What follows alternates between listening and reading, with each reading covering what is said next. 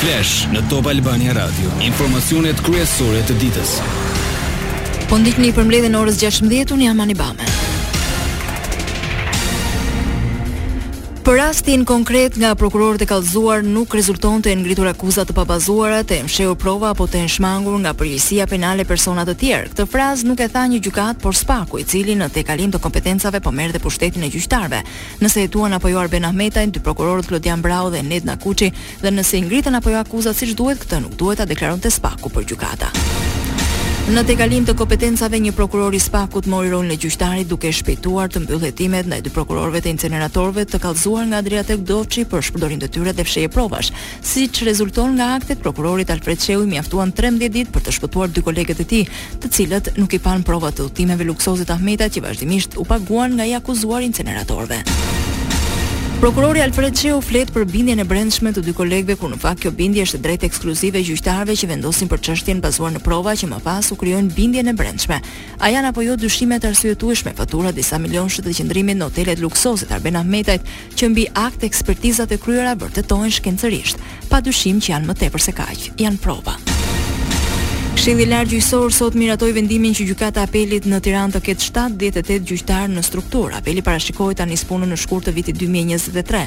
Dosjet në gjykim në apelet që do shkrihen më 31 janar nuk hidhen në short, por do vazhdojnë me të njëjtët gjyqtarë. Lajmet në internet në adresën www.topalbaniaradio.com. Bashkia Lushnjë reagoi për rastin e vdekjes së një 48 vjeçareje dje në mjediset e këtij institucioni duke hedhur poshtë njoftimet se pati debate mes saj dhe përfaqësuesve të bashkisë dhe se u dëbua forcërisht. Po ashtu vuri në dukje se nuk trajtohej me ndihmë ekonomike, por me pension invaliditeti dhe se pati dakordësi që në janar të shihej mundësia për ta futur në skemat e ndihmës nga buxheti bashkiak. Në një moment Shpresa Cani u ndje keq, menjëherë u njoftua ambulanca dhe shefi i komisariatit Lushnjë Edvin Ndreu. Ambulanca mbërriti brenda pak minutash në mjediset e bashkisë duke transportuar pacienten drejt spitalit dhe pak çaste më vonë mbërritën efektivët. Këto thuhen në reagimin e bashkisë Lushnjë për rastin fatkeq të dyzet e tetë vjeçares.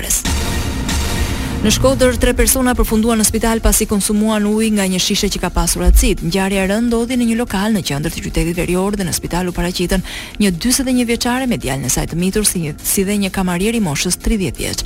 Uji që kanë konsumuar rezulton të jetë nga një shishe e ambalazhuar e një kompanie private.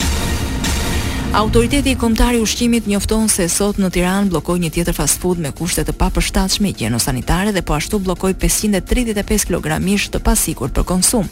Për shkeljet e konstatuara ndaj subjektit, u vendos masa urgjente e bllokimit të aktivitetit si dhe gjobë në vlerën treqind mijë lekë.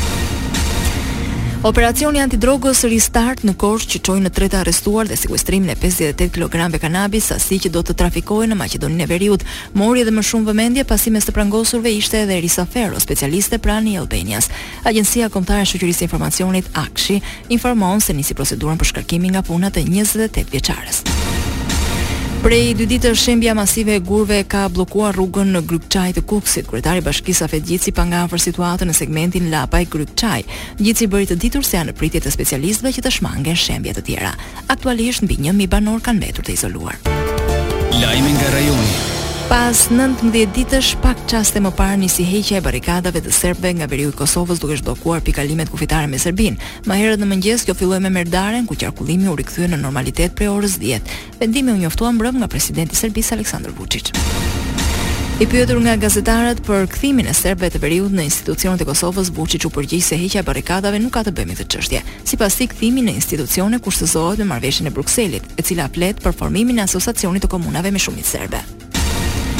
Një ditë më parë, kryeministri Albin Kurti u bëri thirrje serbëve të aplikojnë për punë në institucionet e Kosovës, pasi në muajin e kaluar zyrtarë serbë në veri të Kosovës patën dhënë dorëheqje në shenjë proteste mbi vendimin e Prishtinës për zëvendësimin e targave të Serbisë me RKS, Më vonë, kjo çështje mori zgjidhje. Lajme nga bota. Shtetet e Bashkuara po vendosin kufizime për udhëtarët nga Kina për shkak të rritjes së rasteve me koronavirus. Këtë masë paraprakisht nisën ta zbatonin Japonia dhe Italia dhe tani po i bashkohet Amerika. Në vendin aziatik infektimet janë përhapur me shpejtësi që kur Pekini vendosi të lehtësojë kufizimet kundër COVID-19-s në vazhdën e protestave masive. Amerika kërkon që udhëtarëve në rrugë ajrore që mbërrin nga Kina nga 5 janari t'u kërkohet të paraqesin test negativ të koronavirusit përpara nisjes. Kjo vlen pavarësisht nga kombësia e udhëtarëve dhe statusi i tyre i vaksinimit. Testi jo më i vjetër se dy ditë është i detyrueshëm për udhëtarët nga rajonet administrative të Kinës, si Hong Kongu dhe Makao.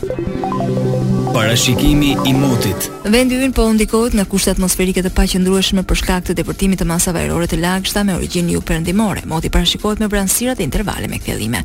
Vranësirat do shoqërohen me reshje shiu të izoluara dhe afatshkurtra, Sa i përket temperaturave, variojnë nga minus 2 në 16 gradë Celsius. Këtu kemi përfunduar, mirë u dëgjofshim në edicionin e orës 17. Kjo është Top Albania Radio.